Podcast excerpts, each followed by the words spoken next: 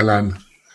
הפרק הזה היום אה, מוקדש למערכות יחסים, בעצם, אני הולך לדבר על השתקפויות.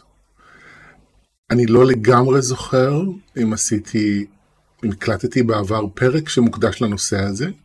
לא עברתי על הרשימה של כל הפרקים, אבל ככה בחנתי ברפרוף. וגם אם כן, אני חושב שזה נכון לחזור מחדש ולהסתכל במראה.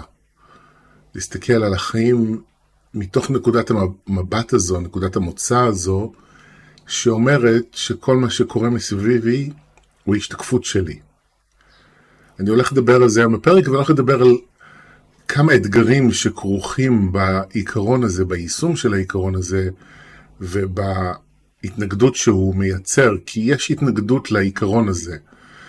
כלומר, יש כאלה שלא חושבים ככה ולא מסכימים, אבל ההתנגדות היא בעיקר מגיעה מהכיוון שאומר, וזה משהו שאני פוגש מדי פעם, לא הכל זה השתקפות. עכשיו זה מצחיק, זה כמו להגיד, לא תמיד זורחת השמש, בשבילי. או לא תמיד יש לילה. זה להגיד מה בעצם, אם לא הכל הוא השתקפות אז מה, אני בוחר מה השתקפות, מה זאת אומרת לא הכל הוא השתקפות. כמו להגיד אנחנו לא נושמים תמיד אוויר, שוב מבחינתי, כן, זה ה basic של החיים.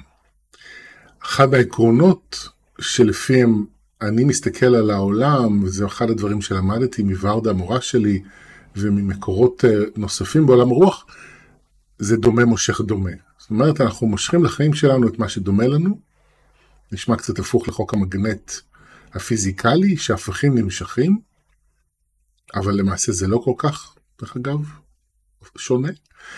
אבל העיקרון הרוחני אומר, דומה מושך דומה, אנחנו מביאים לחיים שלנו אנשים שדומים לנו, מצבים שדומים לנו, ומאחר ודומה מושך דומה, אז מה שיש בה מסביבי, במציאות שלי, הוא השתקפות שלי. עכשיו, למה זה מעורר התנגדות שלא הכל השתקפות? כי יש במציאות שלנו דברים מאוד לא פשוטים.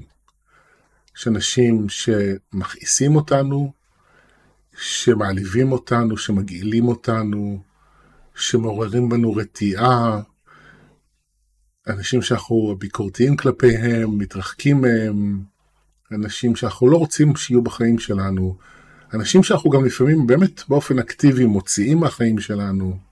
שאנחנו לא בקשר איתם, והמחשבה שכל האנשים האלה הם השתקפות שלנו, היא מאוד קשה להתמודדות. אז מהמקום הזה, לפחות ככה אני מבין את זה, קל לבוא ולהגיד, לא הכל הוא השתקפות. אבל דווקא בגלל זה מאוד חשוב לחזור ולהסתכל במראה. ולהסתכל על כל ההיבטים של המציאות. וההשתקפויות, דרך אגב, הם לא רק האנשים שמכעיסים אותנו, האנשים שמעליבים אותנו או מגעילים אותנו. השתקפויות זה גם אנשים שאנחנו אוהבים, גם אנשים שמשמחים אותנו, גם אנשים שמרגשים אותנו, אנשים שאנחנו אוהבים. אנשים שאנחנו מעריכים, גם הם השתקפות שלנו. וזה לפעמים מאתגר לא פחות מהשתקפויות כביכול שליליות. הרבה פעמים לאנשים אני רואה את זה קל יותר להזדהות, טוב אני דומה לו, גם אני ביקורתי, גם אני מתנצל, גם אני חסר ביטחון, גם אני אה, יש לי בעיות כסף, אבל יהיה לאנשים לפעמים יותר קשה להגיד, כן, גם אני uh, פתוח, uh, יש לי פתיחות חברתית, גם אני טוב בעבודה שלי, גם לי יש את הכישרון הזה והזה. אז זה גם עניין, זאת אומרת, האתגר עם השתקפויות הוא בשני הקצוות, בדברים הטובים ובדברים הכואבים. דברים שאנחנו אוהבים ודברים שאנחנו מתכווצים אל מולם. האמצע הוא עוד איכשהו נסבל, בסדר, לא לרדת את עצמי יותר מדי, לא לאהוב את עצמי יותר מדי, דברים שאני מסתדר איתם, שאני יכול להכיר בהם. אז עם זה אני עוד איכשהו כזה מסוגל להשתקף. ככה לפחות אני שם במילים איזה הלך רוח שאני פוגש באנשים שאותו אני רוצה לאתגר בעצם בפרק הזה. אני רוצה דווקא ללכת לקצוות. שזה מצחיק, כי בדרך כלל בהתנהגויות אנחנו נעים בין קצוות, והאתגר הוא למצוא את נקודת האמצע, את המקום שמכיל גם וגם, אבל במקום הזה של השתקפויות אנחנו צריכים ללכת לקצוות, ובקצוות זה המקומות שהכי קשה לנו להיות בהם.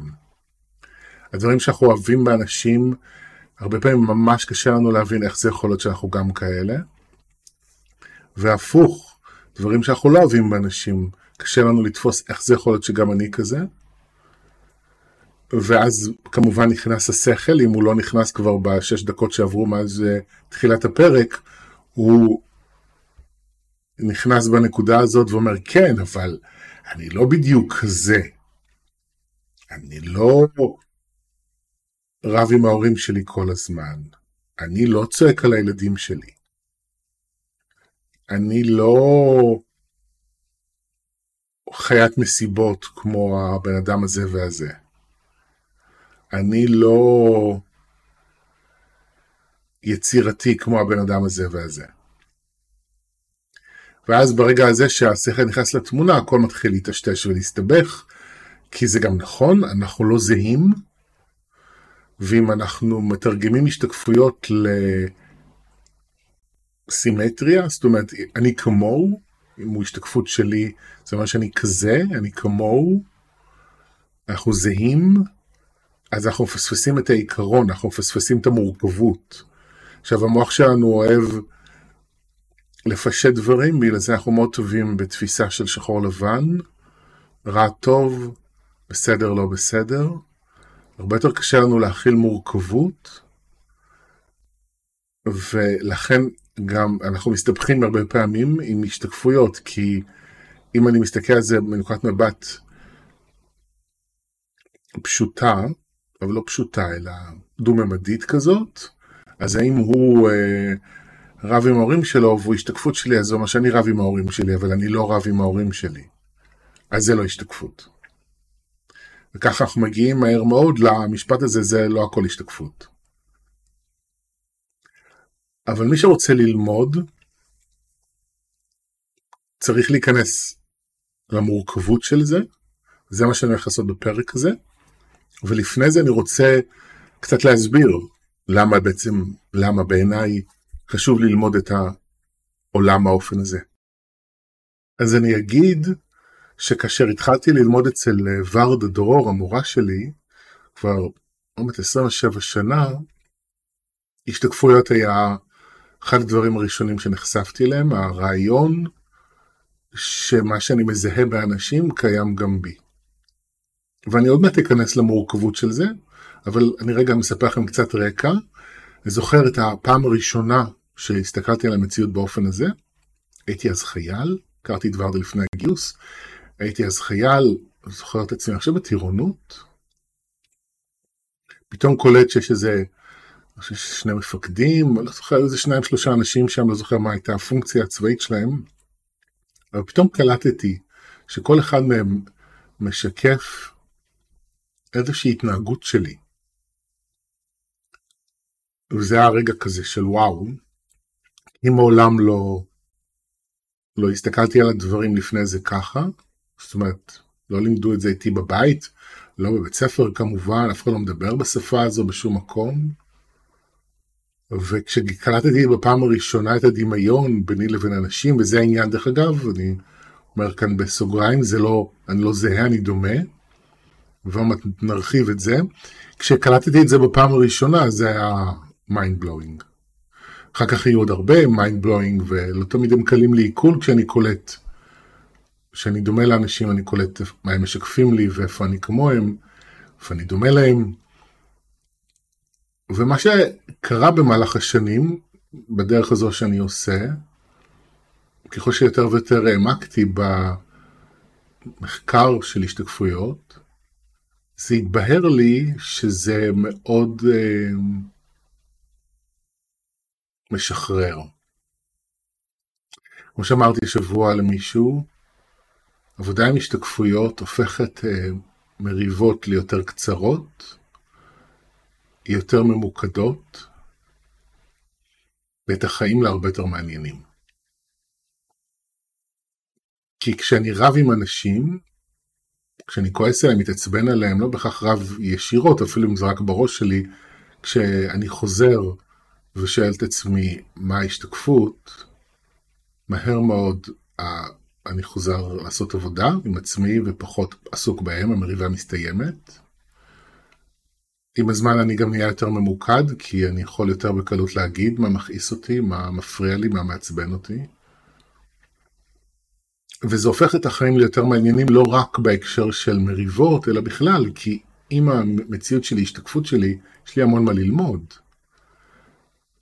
אם כל מה שאני מזהה במישהו אחר קיים בי, אז נורא מעניין מה קיים בי ואיך זה בא לידי ביטוי. אז זה גם הכאבים והפחדים ודפוסי התנהגות שיכולים להיות מאוד בעייתיים. אם אני מזהה אותם באנשים אחרים, אני יכול דרך זה ללמוד על עצמי, ולראות איזה שינויים כדאי לי לעשות בתוך עצמי, וככה החיים שלי הופכים להיות יותר טובים. כשאני מזהה איכויות באנשים אחרים שאני אוהב, שאני, שהן טובות בעיניי, שהן נכונות בעיניי, ואני מתחיל להסתכל איפה אני כמוהם, זה עוזר לי לאתר את האיכויות האלה בתוכי, ולהדגיש אותן, ואז אני יכול יותר בקלות גם לזהות אותן וגם לחזק אותן.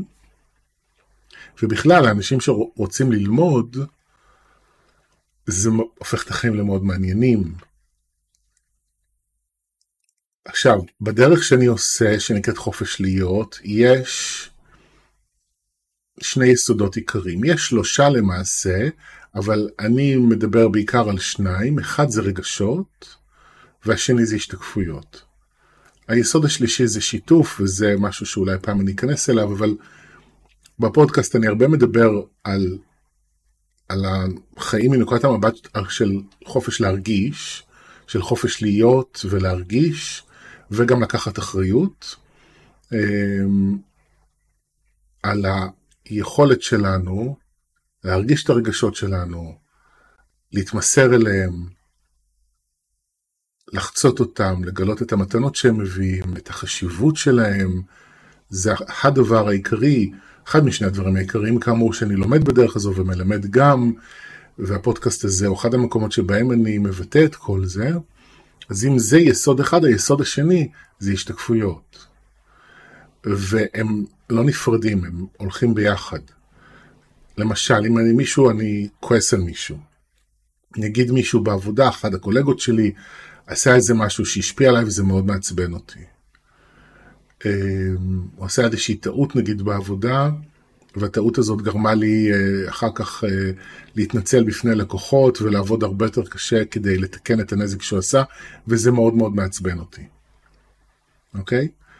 אז אפשר להגיד, יש פה את ה-obvious, ה-obvious, ההוא עשה ככה, זה השפיע עליי, גרם לי לעבור את מה שעברתי עם הלקוחות, להשקיע יותר בעבודה, דברים שכבר נעשו, צריך לעשות שוב, זה מעצבן. אבל זה רק רובד אחד של הסיפור. הרובד היותר עמוק של הסיפור, שאותו מעניין אותי תמיד לגלות, זה מה ההשתקפות. אז עכשיו, כל, כל דבר שקורה לי במציאות יכול, יכול, זאת אומרת, צריך לשאול אותו מכל מיני זוויות. אין נקודת מבט אחת, בגלל זה אני מדבר על מורכבות, זה אחת הסיבות. אה, אז למשל, במקרה כמו שעכשיו תיארתי, יכול להיות שהשאלה כאן אה, זה איפה אני עושה טעויות בחיים. איזה טעויות אני עושה בחיים שלי. ומה היחס שלי לעצמי כשאני טועה. ואז יכול להיות שאני אגלה כל מיני דברים. יכול להיות שאני אגלה שאני לא מרשה לעצמי לעשות טעות, ואני חייב להיות פרפקט, ובגלל זה הטעות שלו עצבנה אותי, כי הוא עושה משהו שאני לא מרשה לעצמי לעשות, והפרפקציוניזם שלי הוא לא מקום מאוזן להיות בו וכדאי לי לעשות עם זה עבודה כדי ליצור איזה יותר גמישות בתוכי. אה, יכול להיות, בוא נראה איזה עוד השתקפות יכולה להיות בהקשר הזה, יכול להיות שהבן אדם הזה, בוא נראה, אני פתאום יש לי איזה רגע blackout, אז שנייה אני אתחבר לעצמי מחדש ונראה לאן זה ייקח אותי. אה, הנה, פה אני כאילו כרגע עושה טעות, אני בדרך כלל מדבר מאוד קולח ומאוד בהיר ופתאום יש לי איזה ערפל, העיניים שלי נהיות כבדות ואני כאילו, אוקיי, מה אני רוצה להגיד? הנה, זה גם קורה כרגע. אז, אז יכול להיות שההשתקפות של הבן אדם הזה בעבודה באה להראות לי מקומות שאולי אני עושה טעויות. ואז כדאי לי לבדוק אם זה משהו שחוזר על עצמו, למה אני עושה את הטעויות האלה, מה קורה לי שם, האם אני לא מתעכב על פרטים, האם אני ממהר להחליט החלטות, אה, אולי אני עושה טעויות כי יש לי איזשהו כעס על הבוס שלי, או על הקולגות שלי, או על הלקוחות, והכעס הזה לא מטופל והוא לא מדובר, והוא יוצא בצורה של טעויות. אוקיי? זה נגיד שתי נקודות מבט עיקריות שאפשר להסתכל עליהן מסיטואציה כזו. אתם מבינים עכשיו למה זה מורכב? כי השתקפויות זה לא זהה, אוקיי? אם מישהו פורץ לי לדירה וגונב ממני כסף, משהו שנגיד קרה לי בחיים זה פעמיים, אני לא יכול להגיד שאני כמוהו, אוקיי? אני מעולם לא עשיתי את זה, לא פרצתי לאנשים לדירה וגנבתי מהם כסף, ובכל זאת, אם דומה מושך דומה, אז מגנטתי לחיים שלי גנב, פורץ. אבל אם אני מסתכל על החיים מנקודת מבט של דומה מושך דומה, והמציאות היא השתקפות שלי, אז אני אומר, אוקיי, אז איפה אני פורץ? איפה הפריצה מתקיימת בחיים שלי בעוד מובנים? עכשיו, אחד הטיפים, אחד הכלים שחשוב להשתמש בהם בעבודת השתקפויות זה לבדוק, אחד, איפה אנשים עושים לי את זה, שתיים, איפה אני עושה את זה לאנשים, שלוש, איפה אני עושה את זה לעצמי. אז אם במקרה הזה מישהו פרץ אליי, אני בודק האם יש עוד מקומות שאני מרגיש שפורצים לי ל... אליי, לחיים שלי, למרחב שלי, הפיזי, האנרגטי וכו'. שתיים, אני שוב מתחיל לשאול את זה איפה אני פורץ לאנשים, ושלוש, איפה אני פורץ לעצמי.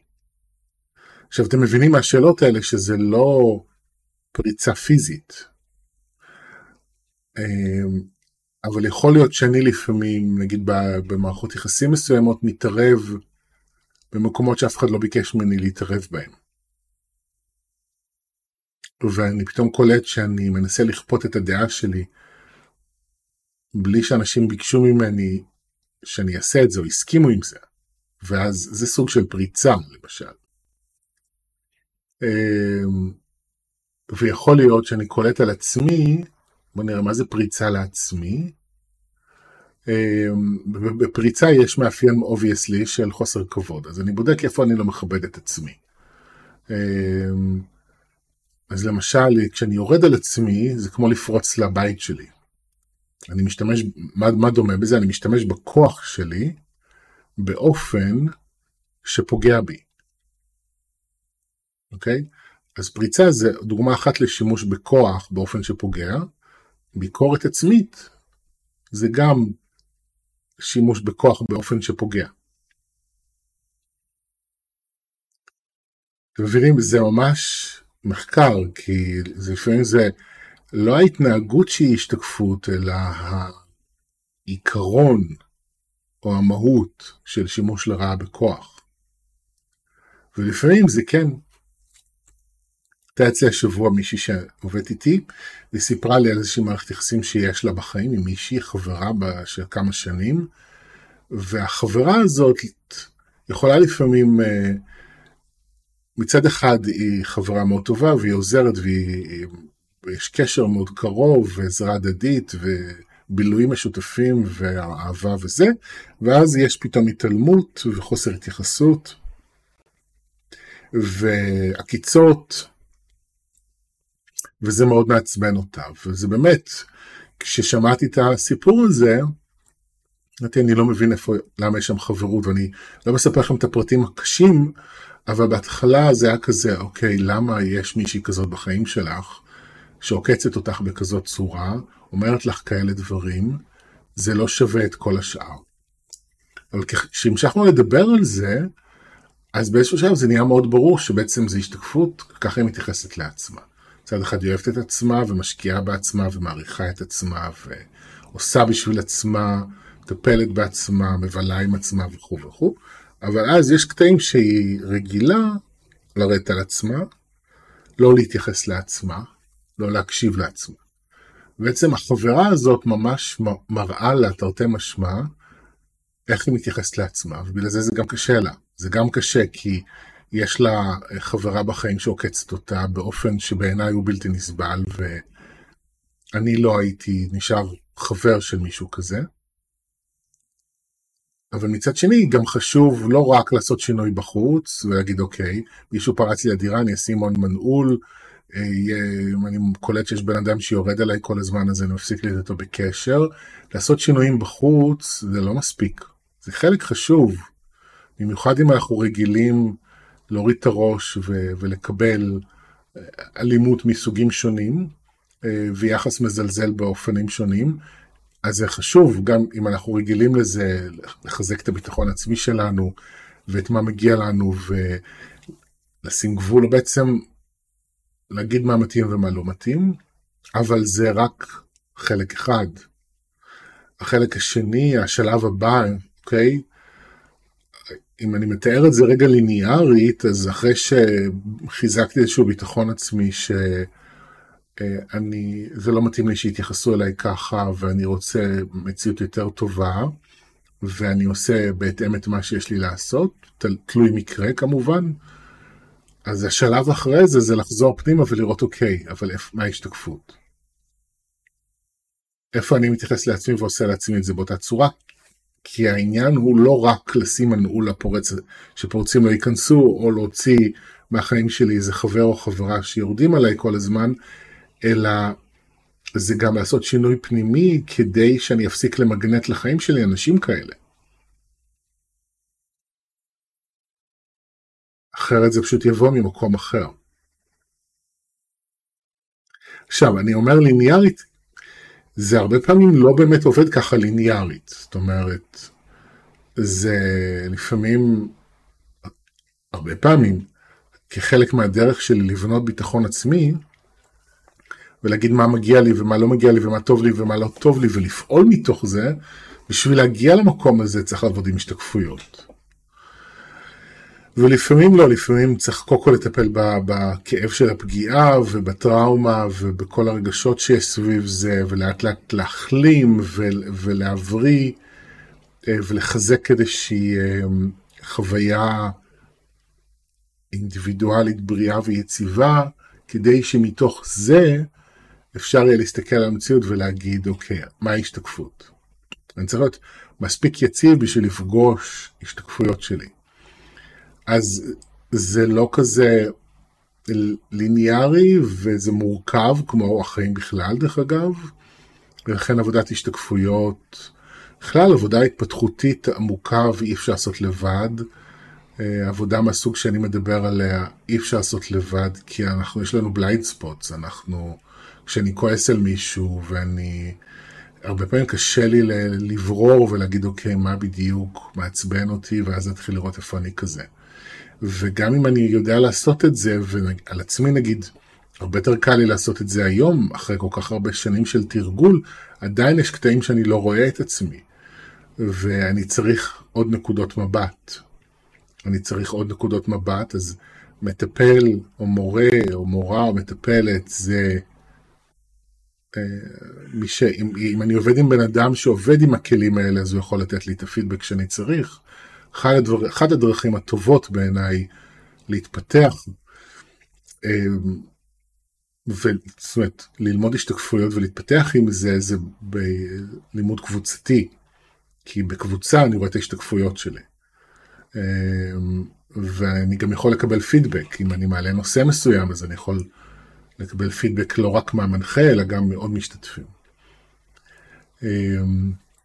תראו, זה, זה מאוד מעניין בעיניי, אני לא יודע אם אתם, מי שמקשיב לי, אני מושג מי אתם, אבל אם זה מסקרן אתכם או לא, אבל נגיד, אני יכול לספר לכם שמה שקרה לי בשנים האחרונות אה, בעבודה עם אנשים, זה שיותר ויותר אני יושב בחדר, בחדר, בסלון, אני עובד מהסלון שלנו, ו...